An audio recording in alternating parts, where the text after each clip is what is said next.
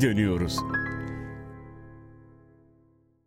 Geri dönüyoruzdan merhaba. Yine Töre Hocam'la buluştuk. Töre Hocam bu galiba 5. bölüm oldu. Evet. Bence istikrarımızla hiç fena gitmiyoruz. Yine geriye dönmeye, yine e, geriye bakmaya devam edeceğiz. Bu hafta biraz hassas bir konu konuşacağız. Ama çok hassas yerlerine girmemeye çalışarak e, genel olarak bunu sosyolojik, arkeolojik, antropolojik bir mesele olarak değerlendirebileceğimiz bir e, zeminde ele almaya çalışacağız. O yüzden lafı uzatmadan yekten sana sormak istiyorum. Hocam din nerede başlıyor? İnsanın din macerasının mazisi nedir? İnsan neden inanmak zorunda hissediyor? Teşekkürler. Şimdi din kelimesi tabii bunun kökenine bakmak gerekiyor. Yani çünkü din kelimesi senin de gayet iyi bildiğin gibi yani Semitik bir sözcük. İşte eski Asurca'da, Akatça'da karşımıza çıkan bir kelime. Yani okunuş farklılıkları var ama hani Arapçada da olduğu gibi. Şimdi biz din denilince aklımıza tabii hemen inanç geliyor. Yani aşkın varlıklara, kutsal varlıklara bir inanç biçimi geliyor ama aslında din kelimesi yani Samiler için, Semitik halklar için, Araplar ve benzeri akraba olan toplumlar için aslında bunun çok ötesinde anlamı olan bir sözcük. İşte yasa anlamı var, kanunlar, kurallar. Yani belki biraz töre anlamı var, örf anlamı var. Yargı anlamı var, mahkeme anlamı var. İşte mesela din günü diyor değil mi? Hani kıyamet gününe mesela din günü, hesap günü anlamında kullanılıyor. Yani burada inancın ya da metafizin çok ötesinde bu dünya ile de ilgili kuralları kapsayan geniş bir anlama sahip. Bu işte oldukça da eski bir kelime. Yani hani daha çok Arapçadan tanınan, bilinen bir kelime ama işte dediğim gibi Asurca'da da var yani. Hani bu Babil, Asur topluluklarında aşağı yukarı aynı anlama geliyor. Bunun dışında tabii bu kelimeyi karşılayan bir Akdeniz coğrafyasıyla bizim yakın doğu dediğimiz ya da ön Asya dediğimiz coğrafyada bu kelime ortaya çıkıyor ve dünyaya yayılıyor. Şimdi her yerde karşılığı var mı? Bu büyük bir tartışma konusu. Yani mesela Hristiyanlar, Müslümanlar ve Yahudiler din denildiği zaman hemen hemen birbirine yakın bir kavram algılıyorlar ama yani bir Hindistan'da, Çin'de, Uzak Doğu'da bu çok farklı bir şey. Yani onların tam bizim din dediğimiz kavramı karşılayacak sözcükleri de yok. Yani orada daha çok biliyorsun işte bir öğreti mesela Budizme biz din diyoruz ama hani Hinduizme, Budizme, Konfüçyüsçüle onlar daha çok bu inanç biçimleri için felsefi bir akım olarak bir öğreti, dharma falan bu tür sözcükler kullanılıyor e, orada. O yüzden dar anlamıyla din sanırım biraz daha bizim coğrafyamıza özgü bir kavram tanım. Yani biz tam orada ne demek istediğini az çok anlıyoruz. Ama uzaklaştıkça yani Akdeniz çekirdek havzasından uzaklaşıldıkça sanırım bu kavram tam karşılığını bulmuyor. Yani bir Çinlinin din dediğimiz zaman anladığı şey çok farklı. Yani çünkü işte Çin inançlarında ne bileyim kutsal kitapları yok. Kutsal amentüleri, değişmez amentüleri yok. Peygamber kavramları onlarda yok. Ama mesela İran'da, Mezopotamya'da, Mısır'da Akdeniz Havzası'nda var. Yani bunlarda birbirine ki İran'da da mesela eski İran'da da din kelimesi muhtemelen Aramilerden geçmiş eski Farsçaya. Pehlevice ya da Persçe'de de var. E, muhtemelen o da Mezopotamya kökenli bir kelime. Buralarda evet bu kelime tam yerine oturuyor. İhtiyaç konusu tabii bizi şeye aşıyor yani arkeoloji bilimini biraz aşan bir alan. Yani psikoloji özellikle insan psikolojisiyle ilgilenen disiplinler bunu bizden belki de daha iyi açıklıyor da olabilirler. Biz çünkü sadece materyal sonuçlarını görüyoruz. İşte tapınak diyebileceğimiz, kült diyebileceğimiz bir takım yerler buluyoruz. Kutsal diyebileceğimiz bir takım figürler, resimler buluyoruz. Ama bunları bana göre açıkça söylemek gerekirse psikoloji alanı yani bizden insan davranışlarını açıklamaya çalışan disiplinler sanırım bizden daha iyi çözümlüyorlar diyebilirim arkeologlardan. Bir de hocam bilir isen Farisi gitti dinin yarısı diye bir söz vardır. Evet bunun iki açıklaması varmış değil mi? Bir Farsça öğrenirsen inancının yarısı diyor kayboluyor diyor. Hocam şimdi Far, Farslar tabii işte Şii, Caferi falan oldukları evet. için işte Farsça öğrenmenin insanı Şiiliğe itebileceği, Şiiliği cazip kılabileceği gibi bir ima olmakla beraber asıl bu sözün anlamı ikinci kelimenin ikinci anlamında. Yani sen açıklamak ister misin? Yok sen açıklasan daha güzel olur. Yani din ve deyn aynı yazılıyor. Hani bunu okurken farklı okuyoruz.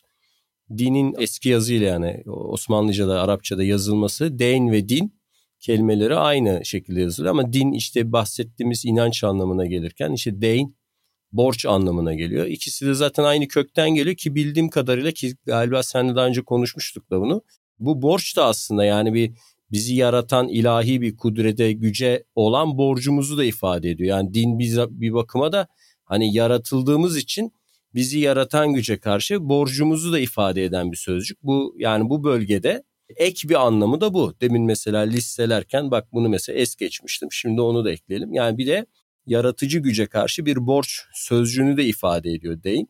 Yani senin dediğin gibi hani ama o şeyde şu da var Mahir. Yani Ama hocam galiba orada şey var. Yani Farsçanın etki alanının yani ta işte böyle Tacikistan, Afganistan içlerinden neredeyse işte Pakistan'a şuraya buraya hatta buradaki bir takım Şii toplulukları Anadolu'nun içine kadar falan filan çok gen- yani edebi olarak da tabii çok geniş bir etki alanı var Farsçanın. Farsça bilenin ticaret hayatında başarısı garanti anlamında da olabilir. Yani bilirsem Farisi gitti Deyn'in yarisi diye. Yani orada gerçekten Deyn kastediliyor olabilir yani. Ya tabii canım şimdi Müslüman dünyanın orta çağdaki lingua francası Farsça aslında. Biz mesela bunu öğrenciye sorduğumuz zaman arkadaşlar işte orta çağda e, Müslüman dünyanın ortak dili neydi? Lingua francası neydi diye sorduğumuzda hemen öğrenci Arapça diye atlar. Halbuki değildir yani Arapça çok bilinen bir dil değil ya da ticarette kullanılan bir dil değil. Yani o resmi yazışmalar, mektuplaşmalar, uluslararası antlaşmalar, kitaplar vesaireler bilimsel ilim din konusu haricindeki bütün sosyal hayat Farsça üzerinden yürüyor. Zaten şimdi işte Osmanlıca'daki terimlere baktığımızda ne bileyim divan diyoruz, vezir diyoruz, defterdar diyoruz. Mesela bunlar hep Farsça köklerden, eklerden. Gerçi defterdar yarı Helence, yarı Farsça da. Bir de hocam yani çok özür dilerim sözünü kestim de hani konuyu dağıtmamak için hemen araya girmem gerekti. Farsçanın İslam dünyasının menbaından yani Arapçadan gelen kelimeleri Arap olmayan topluluklara transfer ederken bir katalizör görevi gördüğünü de söyleyebiliriz. Yani biz Şimdi Arapça çok kendine has sesleri olan, kendine has telaffuzları olan, Arapça bilmeyenlerin, konuşmayanların çıkaramayacağı seslerle dolu bir dil olduğu için bazı kelimeleri biz Arapça oldukları halde Arapçadan değil Farsçadan almışız. Yani hani bazı kelimeleri çok yüksek bir yüzdeden bahsediyorum. Çok basit örnekler vardır. Örneğin kağıt sözcüğü Farsçadan gelmiş e, Arapça bir kelime. Yani Arapçası tam olarak şöyle söyleniyor olması lazım. Kağız. Evet Z ile söyleniyor. Bu, Z. E, Evet. Evet ve bu zamanla Farsçada kağız olmuş. Farsçada kağız diye söyleniyor. Kağız diye. E, bu kağız döne dolaşa kağıt ve kağıt olmuş. Türkçe'de en son kağıt halini almış. Birçok kelime de böyle Arapçadan gelip Farsçanın filtresinden geçerek Türkçe'ye girme gibi bir şey görüyorum ki bunu örneğin Urdu'nun içinde de görüyorum. E, bunu işte daha doğudaki Asya Müslümanlarının günlük kelimelerinde de e, görüyorum. Onu bir eklemek isterim araya. Çok konuyu dağıtmadan. E, tabii canım şimdi Arapçanın geçen programda da konuştuk. Yani geniz sesleri, damak sesleri bunlar yani Türkler ağızlarının önüyle konuştuğu için daha çok. E, Türk insanı yani onların zorlandığı şeyler yani açıkçası. Şimdi o sesleri yani insanlar yıllarca ilahiyat eğitimi alıyorlar gene söyleyemiyorlar. Gene çıkaramıyorlar. Yani o yüzden tabii Farsça fonetik olarak bir Türkçe ana dili Türkçe olan bir insan için öğrenmesi ve toparlaması, seslendirmesi daha kolay bir dil.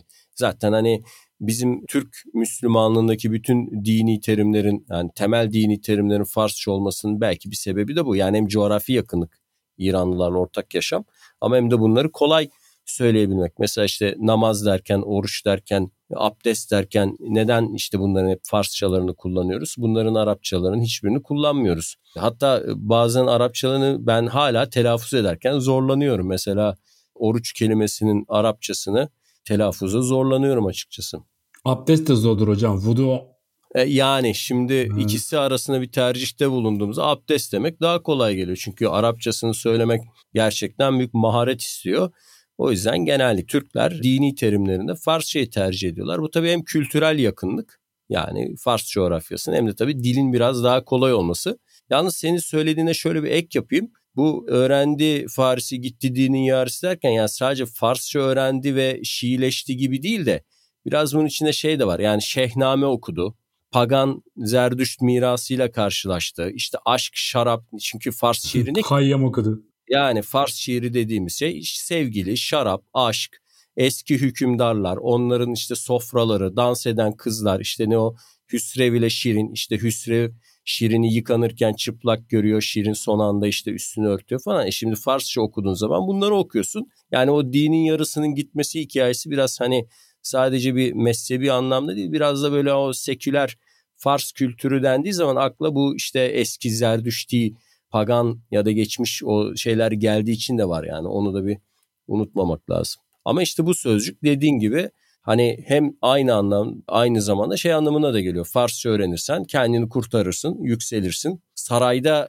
tarihçi olursun, yazman olursun, matematikçi olursun, işte müneccim, astronom olursun vesaire vesaire yani Farsçanın açtığı Şey gibi kapılar. hocam, İngilizce bilmezsen iş bulamazsın gibi. Tabii yani o Karagöz Acıbat filminde vardı ya yani Farsça biliyor.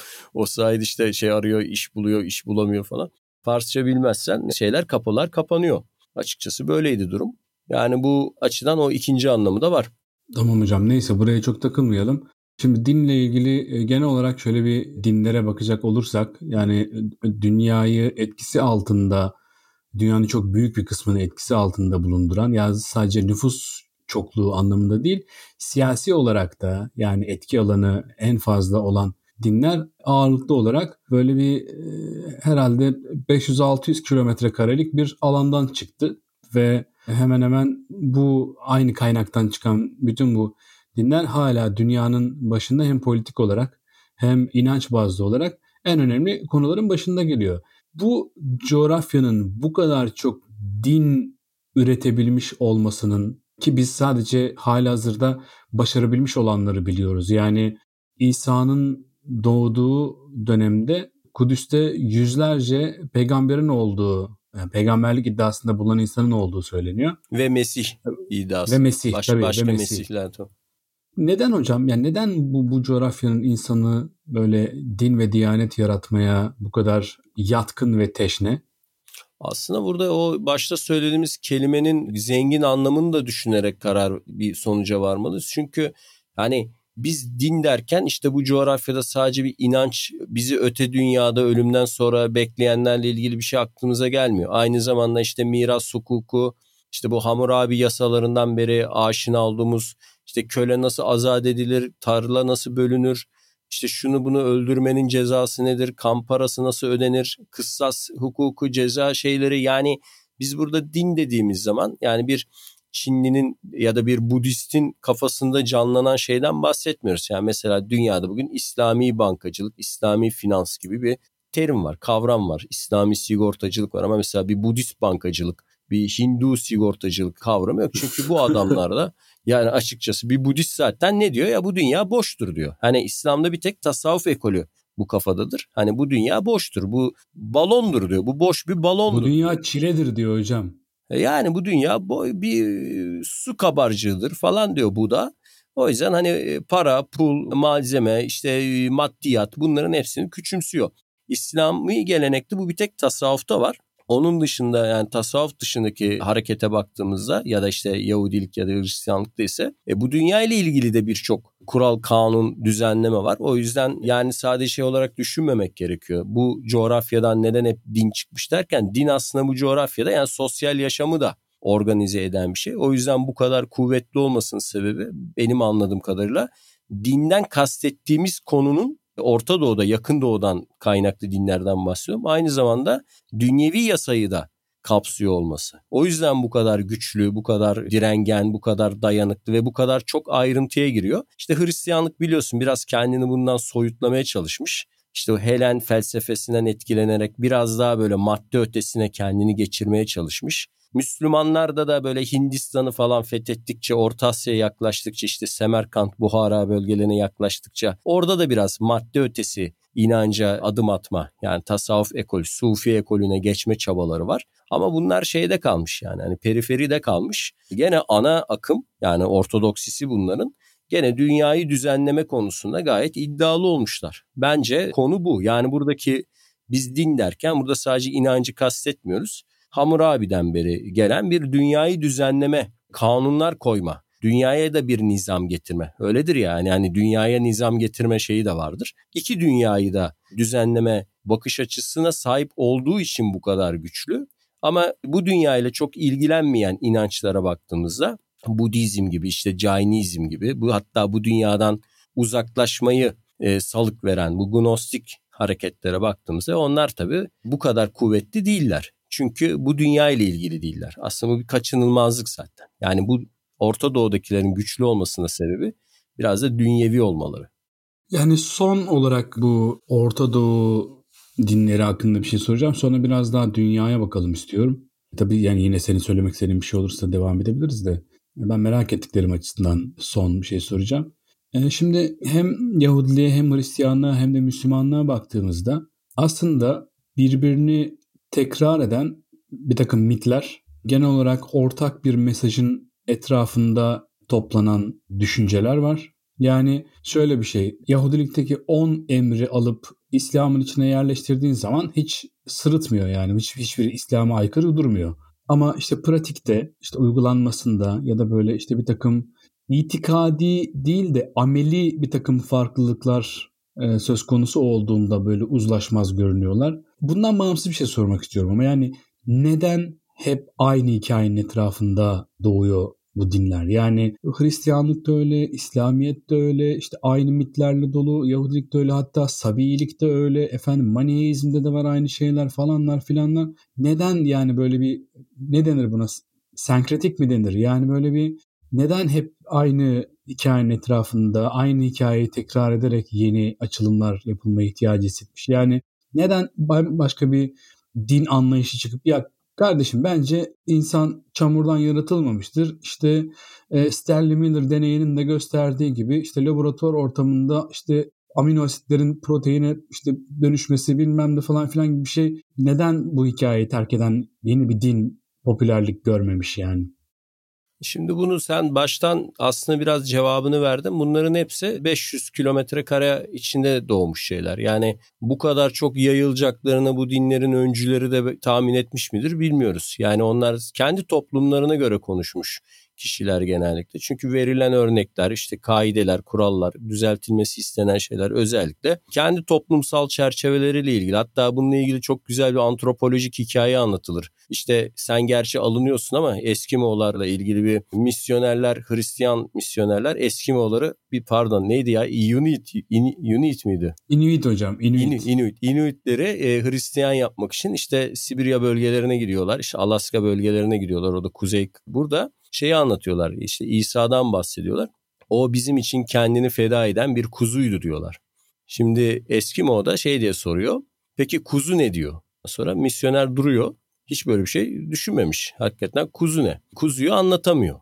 Yani işte kutup ayısına mı benziyor, foka mı benziyor, neye benziyor? Yani mesela burada coğrafya değiştiği zaman tabii o dediğim mesajların anlaşılmasına zorluklar başlıyor. Bu bahsettiğimiz inanç grupları birbirine çok yakın coğrafyalarda ortaya çıktıkları için yani aynı kökenden geldikleri için yayıldıkları zaman aslında senin düşündüğün gibi şöyle yayılma alanlarına göre değişiyorlar aslında. Yani mesela Hristiyanlık kuzeye yayıldıkça yani e, Avrupa'nın kuzeyine yayıldıkça oradaki eski Kelt inanışlarıyla Nordik inanışlarıyla kaynaşmaya başlıyor, birleşmeye başlıyor ve başka bir şey dönüşüyor. E, İslam hakeza işte Orta Asya'ya yayıldıkça mesela Hindistan'daki Müslümanların öyle enteresan e, inanışları, tavırları, günlük pratikleri var ki yani burada çok e, farklı biçimler alabiliyor. O yüzden de aslında Akdeniz havzasından uzaklaştıkça yani doğdukları Doğu Akdeniz havzasından uzaklaştıkça zaten onların içine de yerel unsurlar giriyor. Ya bu çamur hikayesi de aslında şöyle olabilir.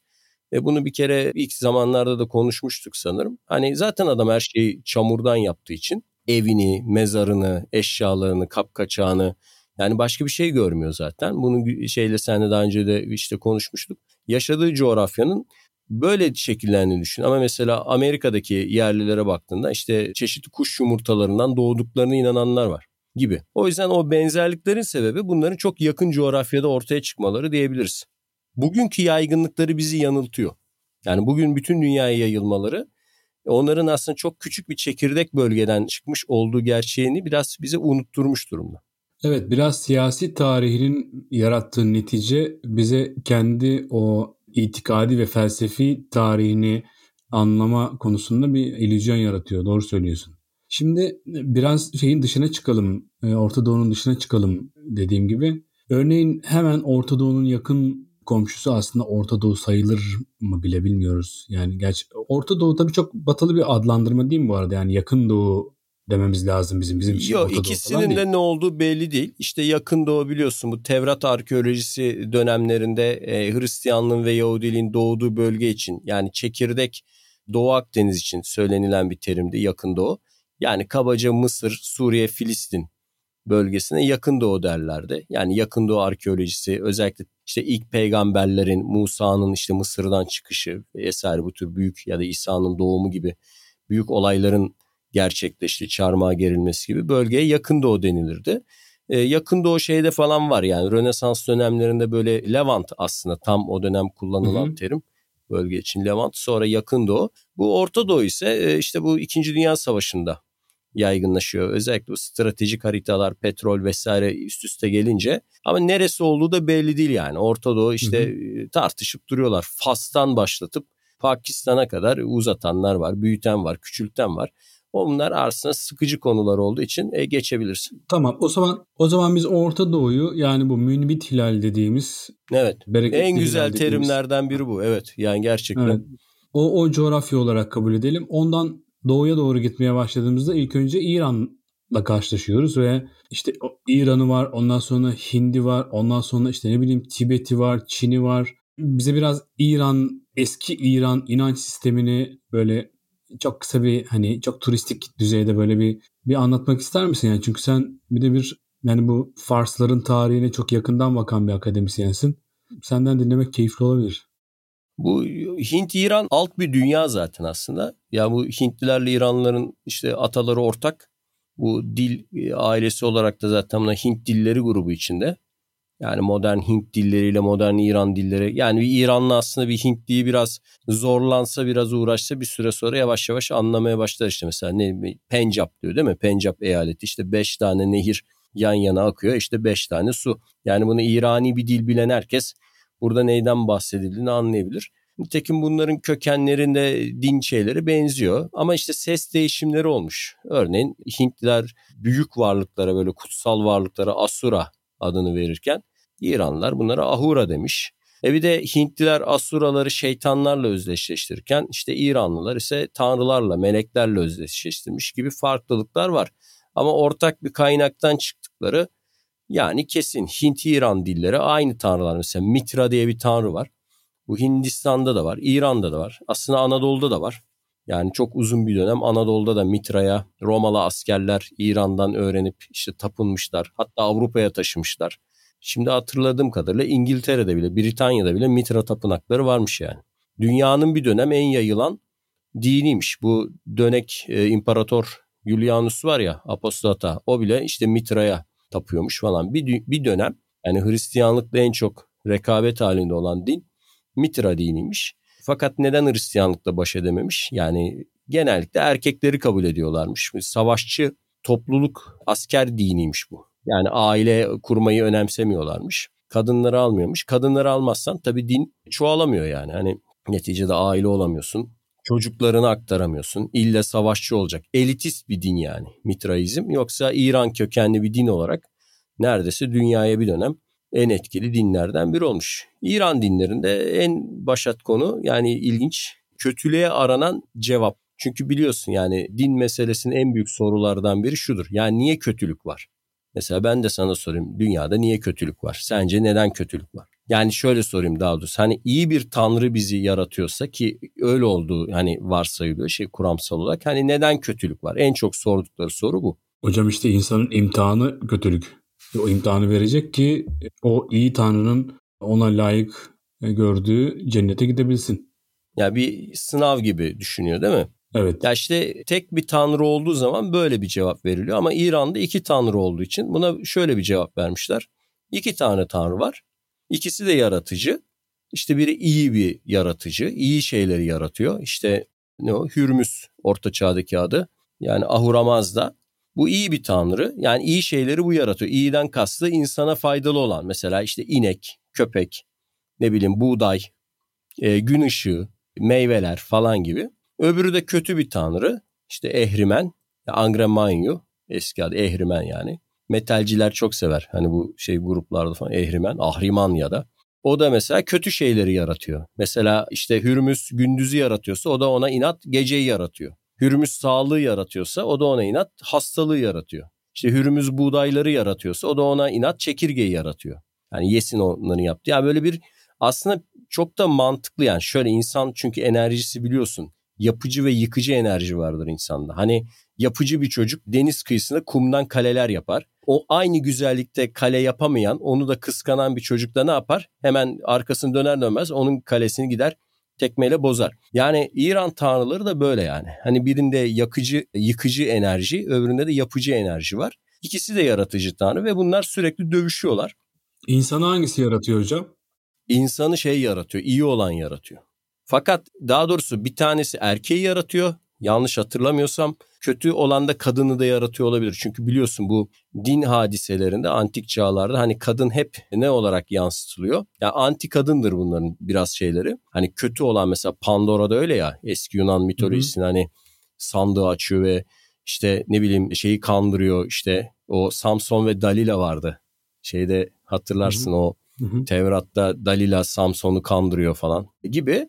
Burada da şey olabilir. Onu çok iyi hatırlamıyorum ama erkek ve kadını ikisi farklı farklı yaratıyor olabilir ama ilk erkeği yani Yima yani Cemşid'i Ahura Mazda yaratıyor. İyi olan yaratıyor onu biliyorum. Muhtemelen bazı yorumlara bakmak lazım. Kadını kim yarattı onu şimdi hatırlamıyorum. Ama genellikle bu tür şeylerden erkeği yoldan çıkarmak için kadın genellikle ya kötüler tarafından yaratılıyor ya da onlar tarafından kandırılıyor diyebiliriz. Böylece hayat bir mücadele içinde geçiyor. Yani bir iyiler hakim oluyor, bir kötüler hakim oluyor. Dünyada böyle periyot dönemler var. O yüzden yaşamımızda bir iyi şeyler oluyor. İşte bir hastalanıyoruz, bir iyileşiyoruz falan.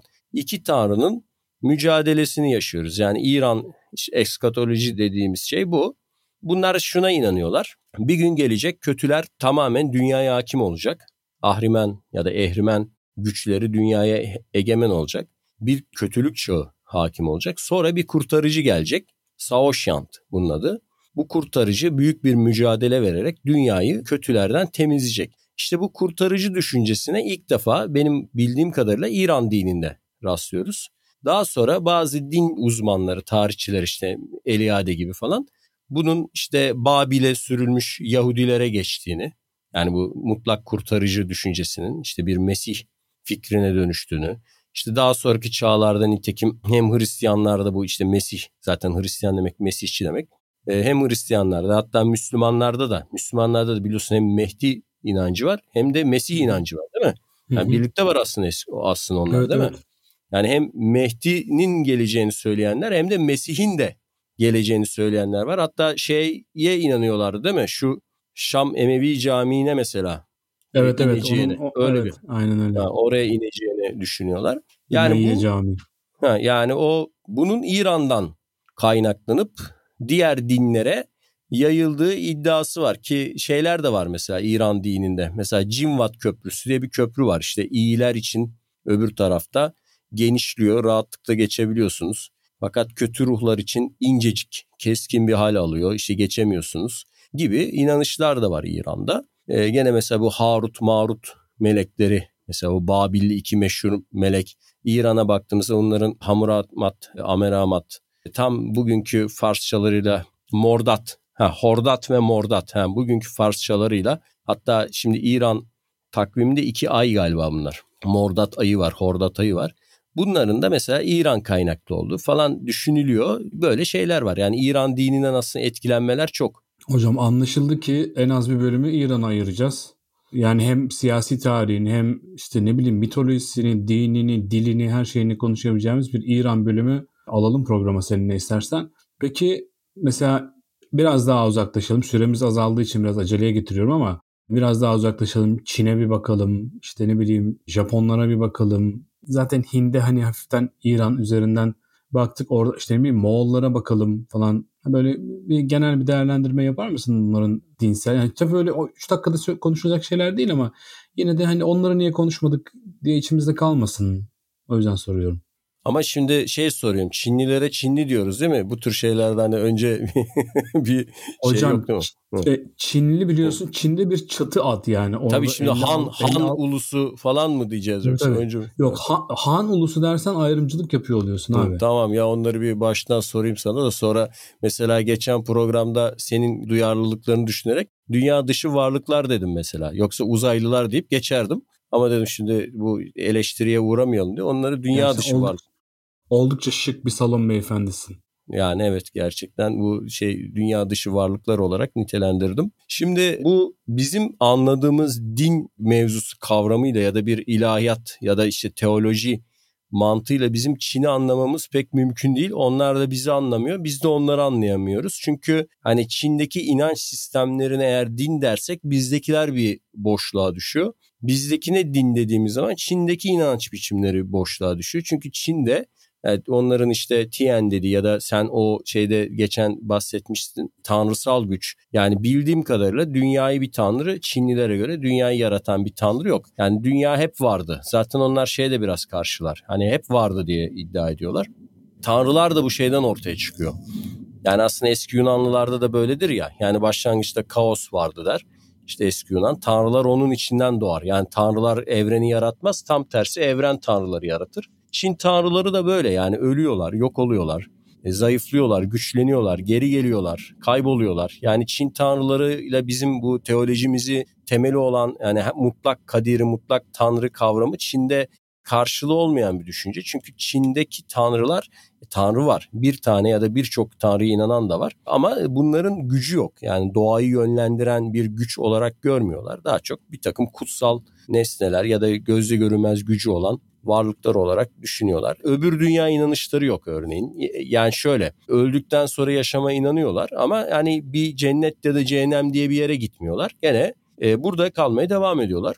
İşte aileleriyle zaman geçiyor. Yani ailelerin ocağında kalıyorlar mesela ölen bir Çinli. İşte ne oluyor? O ailesiyle beraber ruhu yani kalmaya devam ediyor. Onlar hatta yardımcı oluyor falan. Ya da kötü bir şekilde ölmüşse o Japon, Kore korku filmlerini görmüşsündür. Gene bırakmıyor, musallat oluyor onlara. Evin içinde bir köşede duruyor. Ama iyi bir şekilde yaşamışsa, iyilik görmüşse ve kendinden sonra kalan nesli de seviyorsa onlara yardımcı oluyor. İşte her Çinli evinin bir köşesinde bunlara tütsü yakıyor. İşte ara sıra onların ruhlarına, atalarına kutsiyet şey yapıyor. E, anıyor öyle diyelim. Onları yad ediyor. Takdis e, ediyor diyelim hocam. Yani yani tam şeyini bulamadım. Çünkü takdis de deyince acaba takdis mi ediyor diye düşündüm. Hani yad ediyorlar daha çok. Anıyorlar. Yani onu bir ata kültü olarak yad ediyorlar. Ondan bazen yardım diliyorlar. Yani onların bazı mucizeler gösterebileceğine falan inanıyorlar. Ama tabii Çin'de şeyler de var. Mesela Konfüçyüsçülük var. Konfüçyüs tamamen reddetmiş bunları. Yani insan ruhunun göç edeceğini, başka yerlere gideceğini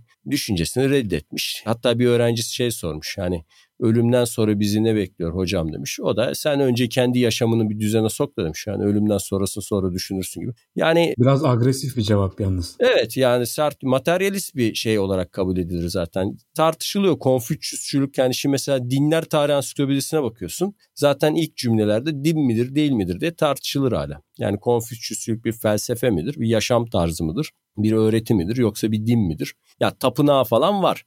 Konfüçyüs'ün anısına törenler falan da yapılıyor. Ama yani böyle bir bizim anladığımız anlamda öbür böyle ruhlar alemi olan ya da dünya ötesinde bir yaşamı vaat eden fikre çok karşı. Çünkü agresifleşmesinin sebebi şu Konfüçyüsçülükte bu dünya ve bu dünyadaki düzen aşırı önemli. Yani devlet görevleri, kamu görevleri, insanın görevini layıkıyla yerine getirmesi, disiplinli olması, devlete, millete işte öyle derler ya vatana, millete hayırlı bir insan olması. Öbür dünya düşüncesinin bunu sekteye uğrattığını inanıyor Konfüçyüs. Yani öbür dünyayı kendisine önemseyen birinin bu dünyayı ihmal edeceğini, görevlerini terk edip zühte, ibadete kendini vereceğini ki o zaman mesela yavaş yavaş Budistler geliyor Çin'e. E, Budist bir kapanıyor 40 gün çıkmıyor işte falan tapınaktan. Yemek yemiyor, çalışmıyorlar. O, Konfüçyüsçüler mesela Budistlere çok kızıyor şeyleri ihmal ettikleri için. E, dünyevi görevleri işte tarımı, dünyayı böyle bir gerilim de yaşanıyor. Gerçi bizim bu bölgelerdeki büyük din savaşları Çin'de yok. Yani böyle Çin'de bizdeki gibi böyle haçlı seferleri, cihatlar falan. Yani bunlar bir şekilde tartışmışlar ama tartışmalar genellikle ilmi düzeyde. kitabi düzeyde. Yani böyle pek böyle Budistlerle Konfüçyüsler arasında böyle bir bizim Orta Doğu'daki böyle Haçlı seferleri falan filan işte bu bilmem neler tapınaklarını karşılıklı yok etmeler falan pek yok. Tam tersi orada bir uyum var. Hatta Japonya'da ve Çin'de şöyle bir şey var. Yani bir insan aynı anda hem Budist hem Konfüçyüsçü hem Taoist olabiliyor. Hatta galiba hocam ben şöyle bir şey okumuştum. Bir Japon'un ağzından Japonlar Shinto doğup yaşarlar ama Budist ölürler diye. Çünkü Shintoizm'de abi bir şey yokmuş. Ölü gömme geleneği yokmuş. Bir ölü gömme adetleri yokmuş. O yüzden Budizmin geleneklerine göre gömülüyorlarmış. Yani böyle şey gibi yolda da hani şey değişebiliyor herhalde. Yani yolun kendisi de değişebiliyor herhalde. Ya şimdi uzak doğunun şöyle bir avantajı var. Doğruya giden birçok yol olabileceğine inanıyorlar. Temel avantajları bu. Mesela bizim coğrafyamızda doğruya giden bir yolun olduğu düşünülüyor. Yani bir yol var. Doğruya giden bir yol var. O da genellikle herkesin kendisinin yolunun doğru olduğunu savunduğu bir yol oluyor. Tabii bu da biraz çatışmaları falan körükleyen bir şey. Şimdi uzak doğuda ise doğruya giden birçok yol olabileceğini kabul eden bir ön kabul var yani. Bir hazırlık şeyi var kafada. O yüzden hani devleti yönetme konusunda yani bir şey derler Çin'de. Yani bir baba evde çocuklarına karşı Konfüçyüsçü olmak zorunda ama dediğin gibi ölürken öldüğü zaman Budizme göre gömülüyor. Cenaze törenleri öyle yapılabiliyor. Emekli olduğu zaman Taoizme geçiyor. Çünkü Taoizm bu dünyayı çok önemsemeyen bir e, akım, fikir. Yani Konfüçyüsçülüğün biraz zıttı. Ama mesela görevinin başında bir insandan Konfüçyüsçü olması fakat emekli olduktan sonra da artık dünyaya çok karışmaması artık Taoist olması bekleniyor. Yani bir Çinli normal bir Çinliden beklenen şey aslında böyle yani. O yüzden yaşamında bir insanın vazife başındayken Konfüçyüs teorisine, vazifeden çıktıktan sonra hala yaşıyorken Taoizme, öldükten sonra da ruhunun yani Budizme teslim edilmesi gibi tuhaf bir durum var. E bu tabii şey oluşturuyor orada. Yani bizim anladığımız anlamda uzak doğu tarihi bir dinler savaşı falan şeyi yok. Yani savaş çok tabii uzak doğuda. Yani Çin tarihi iç savaşlar tarihi ama sebep din değil. Yani o hanedanların devrilmesini işte Han, Tang işte yok Ming o hanedan savaşlarını ya da üç hanedan falan var ya bunların meşhur filmleri var. Hiçbirinde şey göremezsin. Hani efendim işte siz Budistsiniz, biz Konfüçyüsçüyüz, siz gerçek Konfüçyüsçülük bu değil işte asıl Konfüçyüsçü biziz gibi bir kavga şeyi şimdi uzak doğuda yok. Yani onlar için bu çok yabancı bir şey. Yani din konusu uzak doğuda bir savaş sebebi olarak akla gelen bir konu değil. Ha tamam devlete isyan doğru. Hani hükümdarı imparatora baş kaldırma eyvallah. Ama hani Budizmin hatta şöyle ilginç bir şey söyleyeyim. Budizm'de 70'ten fazla ekol varmış. Yani biz mezhep de diyebiliriz anlayabilmek için rahat. Bu ekollerin hiçbiri diğeri hakkında hiçbir şey yazmamış. Şimdi bu mesela benim gibi yani hayatının bu tür araştırmalara böyle hani kendince asbel kadar vakfetmiş bir insan için çok enteresan bir şey. Çünkü bizim coğrafyamızda neredeyse her mezhebi araştırma kendi fıkhını, kendi ekolünü, kendi külliyatını bir yek diğerini eleştiri üzerine kurar. Hocam zaten evet yani bizde bir mezhep ancak kendi o güne kadar bağlı bulunduğu mezhebe reddiye yazarak oluşur. Ha kendini ancak mesela bu şeylerden başlar bilirsin hani Hristiyanların e, bu adversus judeus falanlar var ya böyle Yahudilere cevap işte Hristiyanlara cevap sonra işte kendi içlerinde birbirlerine cevap işte Hristiyan mezheplerin birbirleri Müslüman mezheplerin birbirini reddiyeleri e, bununla kendini var eder ama mesela Budizm'de birçok işte Mahayana ekolü var. Bir sürü ekolleri var onların da. Fakat hiçbiri kendi yolunu anlatırken diğer bir mezhepte e, uygulanan bir pratiği örnek olarak gösterip de onlar da öyle ama bizde böyle diye bir şey yapmamışlar. Çünkü ilgilenmiyorlarmış. Yani birbirlerinin ne yaptığı. Hocam bu haftada bizi e, yine kıymetli tenviratınla nurlar içinde bıraktın yine muhtemelen programı kapattıktan sonra ya işte Amerika'yı konuşmadık, aborjinleri konuşmadık falan filan diye muhtemelen yine hayıflar içinde kalacağız ama bence yine de tatmin edici bilgiler edindik senden e, bu haftada. Teşekkür ederiz bize bu güzel sohbet armağan ettiğin için. Ayrıca bu bilgileri verdiğin için. Sen neler söylemek istersin kapatmadan? Ben e, gelenek olduğu üzere belki bir kitap önerisinde bulunabilirim. Bu konularla ilgili olan Lütfen hocam. dinleyicilerimiz için. Mircea Eliade'nin Mirça hocam. Mirça değil mi o? Tamam evet. o Mirça. Rumendi değil mi o? Evet Rumen olduğu ha, için hocam. Mir, Mircea Eliade'nin Dinler Tarihi diye dinsel düşünceler ve inançlar tarihi diye bir kitabı var. Üç ciltli galiba o. Yani o güzel bir kaynak eserdir hala. Yani uzun yıllar oldu tabii o yazılalı, yayınlanalı ama e, şu, bugün de hala güzel bir kaynak eseri olarak kütüphanede bulunması gereken bir kitap olduğunu düşünüyorum. Ben onu önerebilirim. Hocam Böyle... haddim olmayarak ben de Karen Armstrong'un Tanrı Nedir kitabını önerebilirim. Evet. Genel olarak dinler tarihine, Tanrı konseptine bakış açısından güzel bir kitap. O tek tanrılı inanış sistemlerine odaklanan bir çalışma mı yoksa o da evrensel açıdan Yok, mı? genel olarak genel olarak Tanrı fikrinin, Tanrı Hı. konseptinin kendisini e, inceleyen bir kitap. Var mı başka aklına gelen bir şey? Ya aklıma çok kitap geliyor ama şimdi burada hani şu da var, bu da var deyip de mesela anmadığımız, es geçeceğimiz kitaplar olacak. O yüzden hani az tamam, örnek veriyorum ki hani şey kalmasın diye. Tamam hocam zehirleme bizi. Teşekkür ederiz hocam bu haftaki sohbetin için. Bu hafta da bizi çok tatmin edici e, bilgilerle donattın. Alnımıza bilgilerden bir çelenk yerleştirdin adeta.